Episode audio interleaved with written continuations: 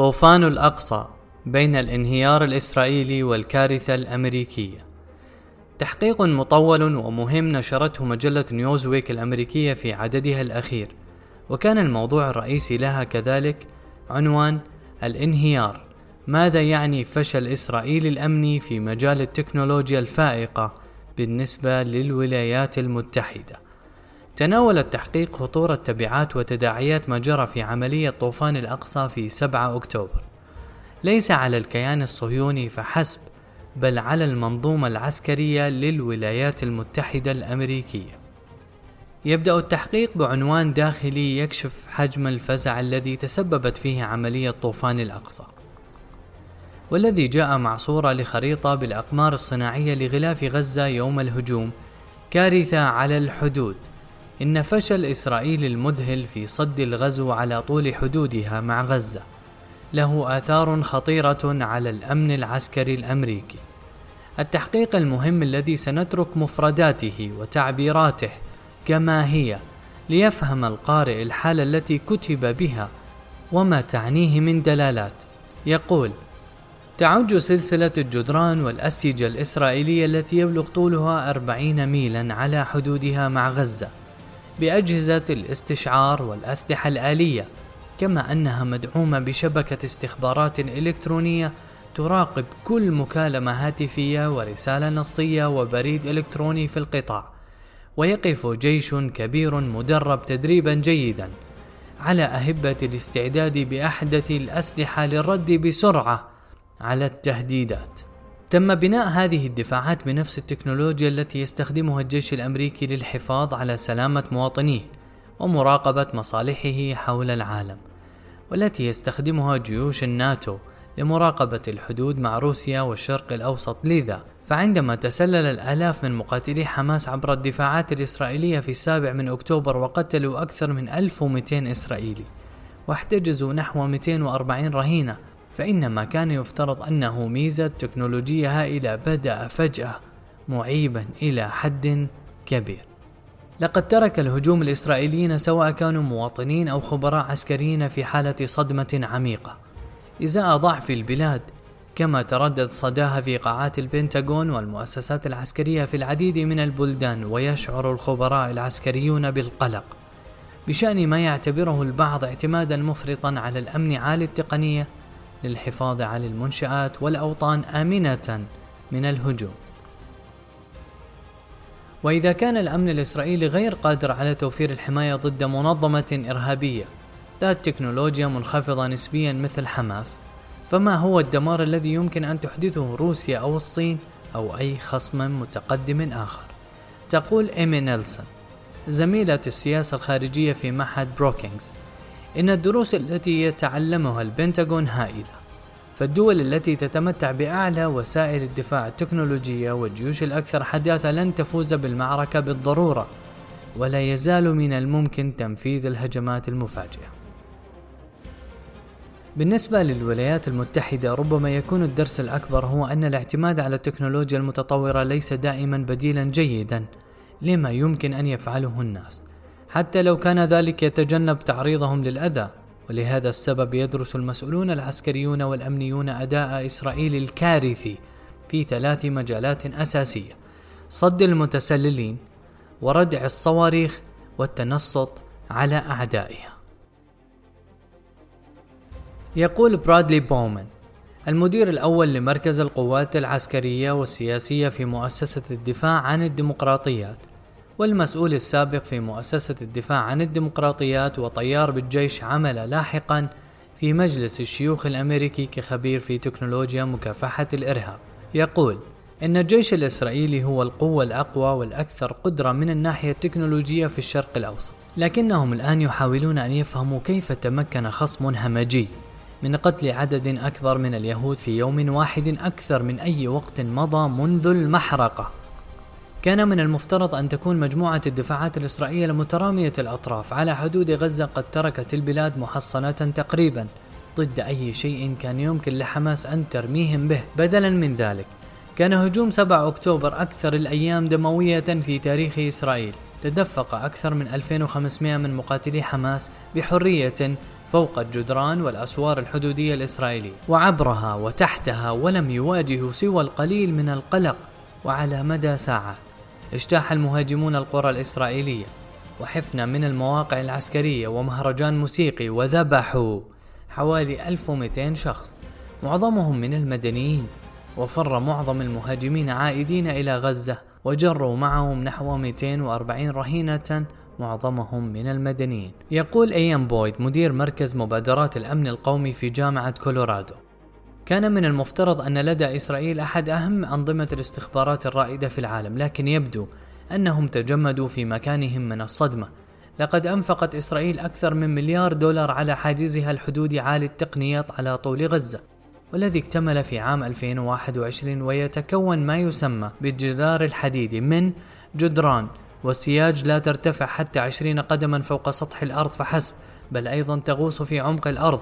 لتجعل من الصعب حفر الأنفاق تحتها وتتباهى الحدود بمجموعة مذهلة من المعدات المتطورة. بما في ذلك مئات من كاميرات الرؤية الليلية وأجهزة الاستشعار الزلزالية لالتقاط أصوات الأنفاق من الأعماق وأجهزة الاستشعار الحرارية للكشف عن حرارة الجسم أو السيارات والرادار لاكتشاف تهديدات الطيران كما تقوم الروبوتات المتنقلة أحيانا بدوريات في محيط المكان وغالبا ما تراقب المناطيد الصغيرة والطائرات بدون الطيار من الأعلى كل ما يجري على الأرض.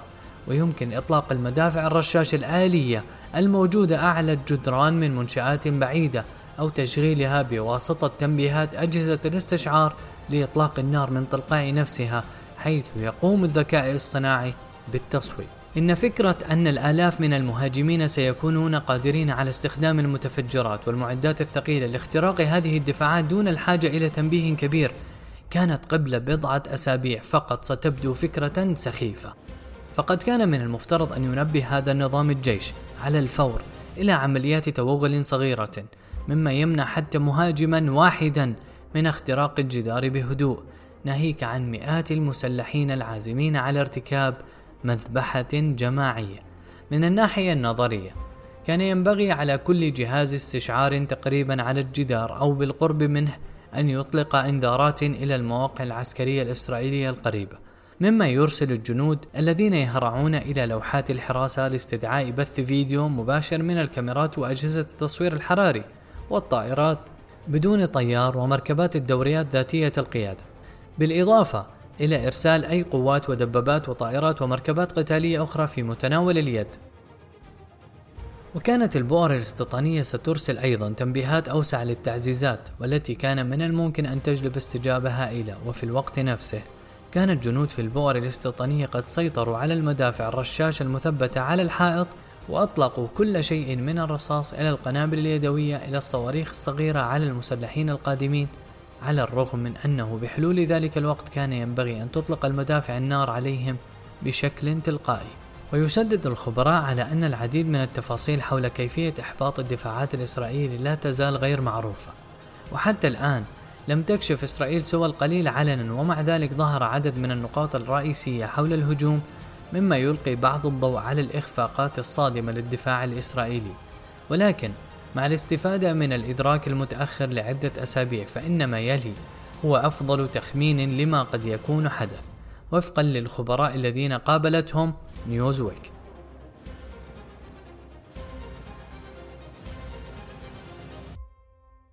في الساعات الأولى من صباح 7 أكتوبر استخدم مقاتلو حماس الجرافات والقنابل لاختراق الحواجز في حوالي 30 مكان. وكثيرا منهم يقودون سياراتهم عبر الثقوب على الدراجات النارية والسيارات وأبحر البعض فوق الحاجز في طائرات شراعية بدأت الموجة الأولى من المهاجمين ببعض التكتيكات البسيطة لهزيمة الدفاعات الذكية ومنع الإنذارات من الانطلاق والبنادق من إطلاق النار.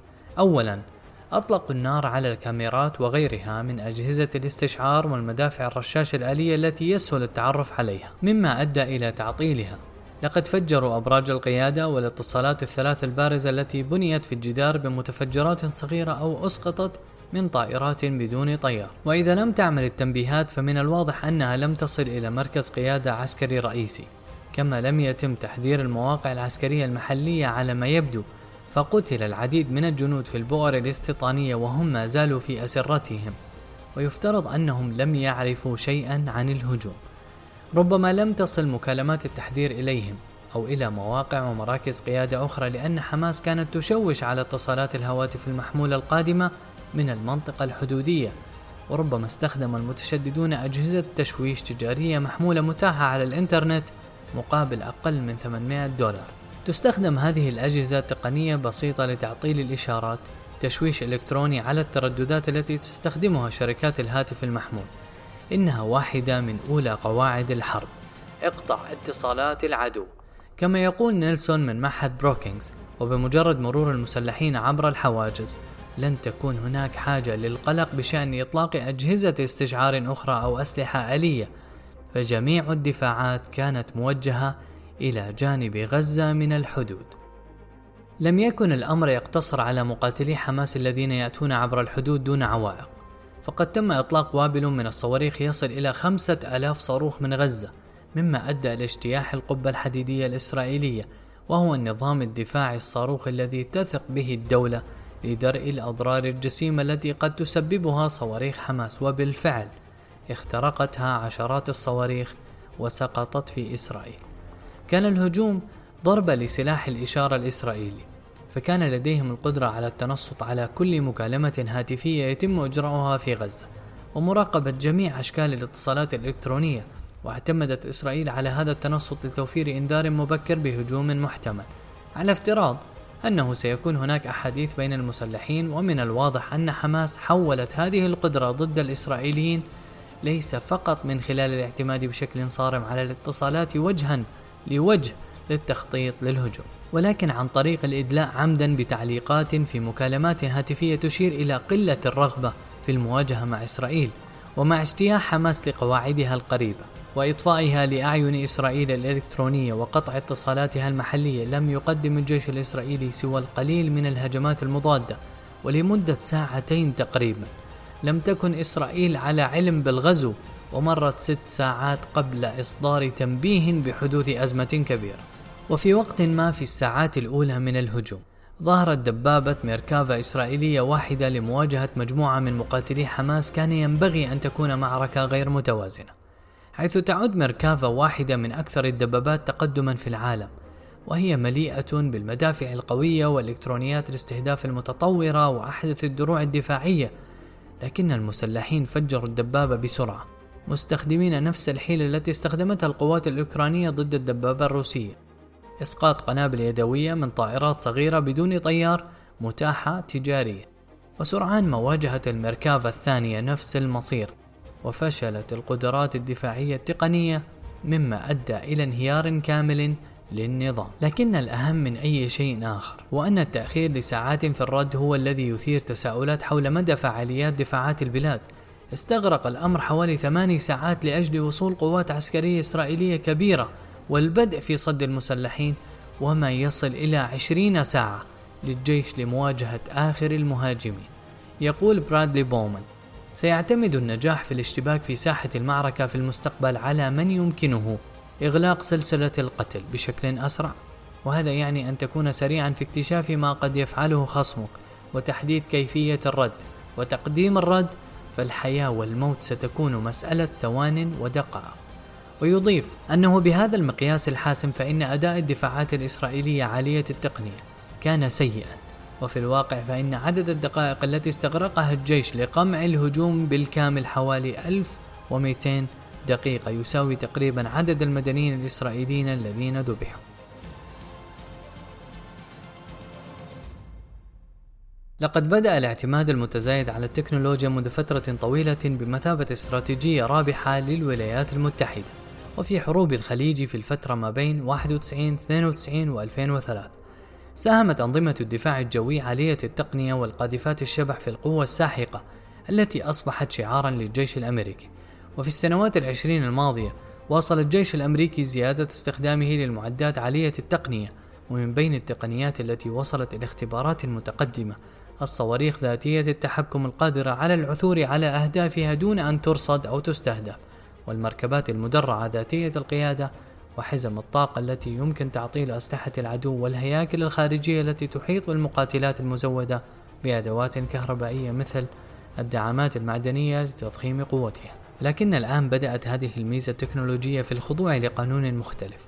فقد أثبت عقدان من القتال في أفغانستان أن الأسلحة ومعدات التجسس الأكثر تقدما يمكن إحباطها من قبل خصم منخفض التقنية يرغب في الاختباء بين المدنيين والعيش في الكهوف الجبلية وتجنب الاتصالات الإلكترونية والتضحية بحياتهم للوصول إلى العدو.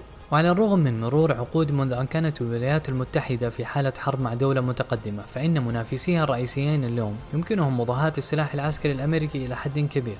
والأهم من ذلك تجاوز الجيش الأمريكي في العدد الهائل من القوات. يقول بويد التكنولوجيا تضاعف القوة لكنها ليست الكأس المقدسة. فالبنتاغون يراقب ما يحدث في إسرائيل وهذا ما يجب أن يجعلهم يفكرون في نقاط ضعفنا. إنهم بحاجة إلى التفكير بسرعة فما حدث في إسرائيل هو نسخة مما قد نواجهه في أي وقت. ومع وجود روسيا في أوكرانيا وتهديد الصين لتايوان واتجاه إيران نحو القدرة النووية وتهديدها لإسرائيل وتهديد كوريا الشمالية فإننا نواجه أكثر البيئات الأمنية صعوبة التي رأيتها في حياتي. واحد أسباب قلق الولايات المتحدة وحلفائها هو أنها تعتمد على تقنيات مماثلة وفي كثير من الحالات نفس التكنولوجيا الفائقة التي تستخدمها إسرائيل.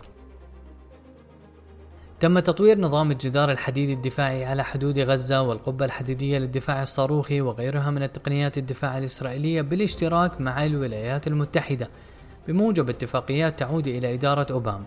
وأصبح الجدار الحديدي الإسرائيلي مفضلا بشكل خاص لإدارة ترامب. التي خططت لبناء نسخته الخاصة على طول حدود الولايات المتحدة مع المكسيك. واليوم تم نشر العديد من هذه التقنيات أو الأنظمة المشابهة لها على حدود الولايات المتحدة. وفي الواقع قدمت إسرائيل العديد من الطائرات بدون طيار التي تعتمد عليها الولايات المتحدة لاكتشاف المعابر الحدودية غير القانونية والتهديدات الأخرى على الحدود الجنوبية وهي نفس الطائرات بدون طيار التي تستخدمها إسرائيل على حدودها. وقد تحدث قسم العلوم والتكنولوجيا التابع لوزارة الأمن الداخلي علنا عن جهوده لنشر هذه الأسلحة وأجهزة استشعار جديدة للتصوير والرادار في أبراج المراقبة المستقلة على الحدود وطائرات بدون طيار لحراسة الحدود وأجهزة استشعار لكشف الأنفاق مماثلة لتلك الموجودة في إسرائيل.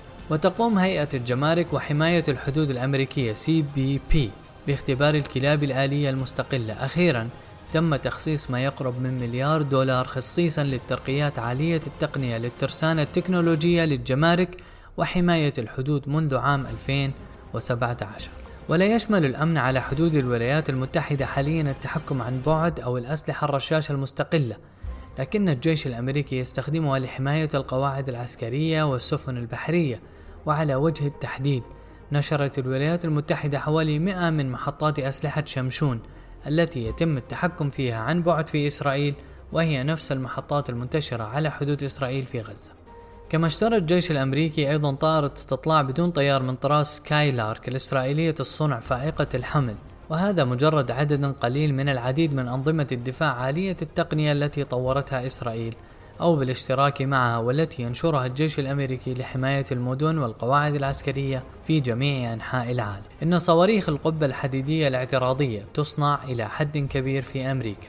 ولدى قوات مشاة البحرية الأمريكية 2000 منهم تحت الطلب ومنصة إطلاق القبة الحديدية إسرائيلية الصنع وتمتلك الولايات المتحدة اثنتين منها وكلاهما سيتم شحنهما قريبا إلى إسرائيل لتعزيز دفاعاتها بعد 7 أكتوبر كما يمتلك كل من الجيش الأمريكي وإسرائيل أيضا نظاما مضادا للصواريخ عالي التقنية وهو مقلاع داود الذي تم تطويره بشكل مشترك بين البلدين. وكما هو الحال مع دبابات ميركافا إسرائيلية الصنع. تتمتع دبابة M1 أبرامز الأمريكية وغيرها من المركبات المدرعة بحماية العديد من الأنظمة عالية التقنية. بعضها مشترك مع إسرائيل وتشمل هذه الأنظمة نظام تروفي الذي يكتشف الصواريخ القادمة أو المقذوفات الأخرى ويطلق تلقائيا صاروخا صغيرا خاصا به لتفجيرها ونظام القبضة الحديدية الذي يخلط إلكترونيا إشارات نظام تحديد المواقع العالمي GPS للصواريخ القادمة ويمكن أن يؤدي إلى انفجار يتسبب في إحداث موجة صدمة تبعدها عن المسار. كما تزود إسرائيل الولايات المتحدة ببلاطات مدرعة تفاعلية.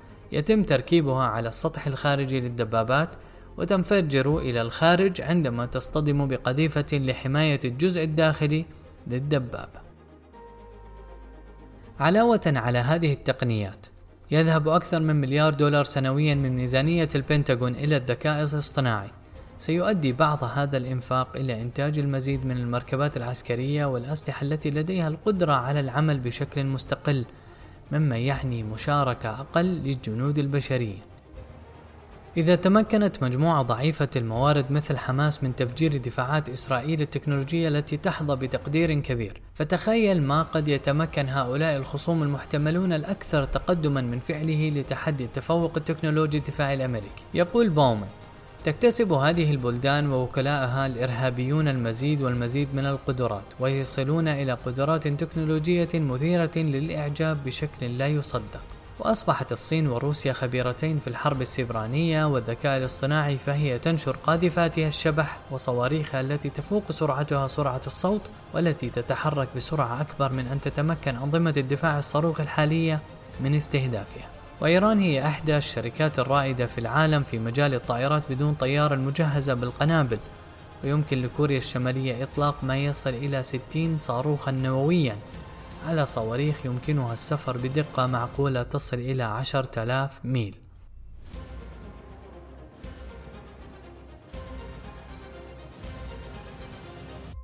وبطبيعة الحال ستكون إسرائيل نفسها أول من يعيد تقييم اعتمادها على الأمن عالي التقنية ومعرفة الدروس التي يمكن استخلاصها من رعب 7 أكتوبر. وهذه التجربة الرهيبة تقدم درسا واحدا فوق كل الدروس الأخرى كما يؤكد يوسي كوبر فاسر مدير الأبحاث في إف وهو مركز أبحاث دفاعي إسرائيلي له علاقات وثيقة بالجيش هذا الدرس يقول لا تعتمد بشكل مفرط على التكنولوجيا وحدها فعندما تبدأ في الشعور بأنك قادر على السيطرة على الوضع من بعيد ولا تحتاج إلى التواجد هناك على الأرض فإنك ترتكب خطأ كبيرا ويستطيع كوبر التحدث من منطلق خبرته فهو جنرال في احتياط الجيش الإسرائيلي ورئيس سابق للأبحاث في فيلق المخابرات التابع للجيش وقد خدم في الحربين الأخيرتين في إسرائيل وكان ملحقا استخباراتيا للولايات المتحدة. وقد جعله هذا المنظور مصرا على حدود التكنولوجيا ويقول لا يمكن لأي تكنولوجيا أن تحل محل الجندي في ساحات المعركة. ويوضح كوبر فاسر أن الأمر المغري في التكنولوجيا هو أنها أقل تكلفة من القوات الموجودة على الأرض سواء من الناحية المالية أو بسبب نفور الدولة المفهوم من وقوع إصابات. فيمكن للتكنولوجيا أن تعمل بلا تعب دون طعام أو ماء أو أجر وتلتقط ما قد تغفل عنه أعين البشر والضرب بشكل أسرع وأكثر دقة وعلى مسافات أكبر من البشر.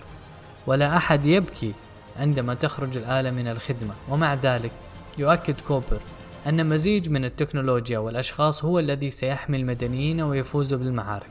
ويقول يمكن للذكاء الاصطناعي والتكنولوجيا الحديثة أن يساعدا البشر بطرق تتحسن باستمرار لكن لا يمكنك تجنب الحاجة إلى إبقاء الأشخاص على اطلاع إذا اعتمدت كثيرا على التكنولوجيا فسوف تتفاجأ كما حدث لنا وفي كل مرة تضع فيها حلا تكنولوجيا لردع العدو يأتي العدو بطريقة جديدة للتغلب عليه. لقد أصبح الخصوم جيدين في تعطيل التقنيات المتطورة والمكلفة باستخدام تقنيات بسيطة وجديدة. يقول نيلسون لقد فعلت حماس ما فعلته باستخدام أدوات ذات تكنولوجيا منخفضة نسبيا. لقد استخدموا التقنيات المتاحة تجاريا للتغلب على أجهزة الاستشعار والدبابات التي تكلف الملايين. إن ما يجعل نقاط الضعف التكنولوجية أسوأ بكثير هو أنها تظهر فقط عندما يستغلها العدو فجأة. كما حدث في إسرائيل الأسلحة والدفاعات عالية التقنية هشة وما لم يتم اختباره في ظروف القتال فإن النتيجة هي مفاجآت قبيحة لا يمكن تحملها. يقول بويد إن القوات تظل هي السلاح النهائي وإلى حد كبير فإن النجاح في الحرب والدفاع يعتمد على عدد القوات المنتشرة. لقد كان العدد الهائل من المسلحين الذين يتدفقون على إسرائيل هو الذي أثبت في نهاية المطاف أنه مميت للغاية. ومن المثير لليقظة أن نعتبر أن عدد القوات العسكرية لكوريا الشمالية يبلغ حوالي ثلاثة أضعاف حجم القوات العسكرية الأمريكية.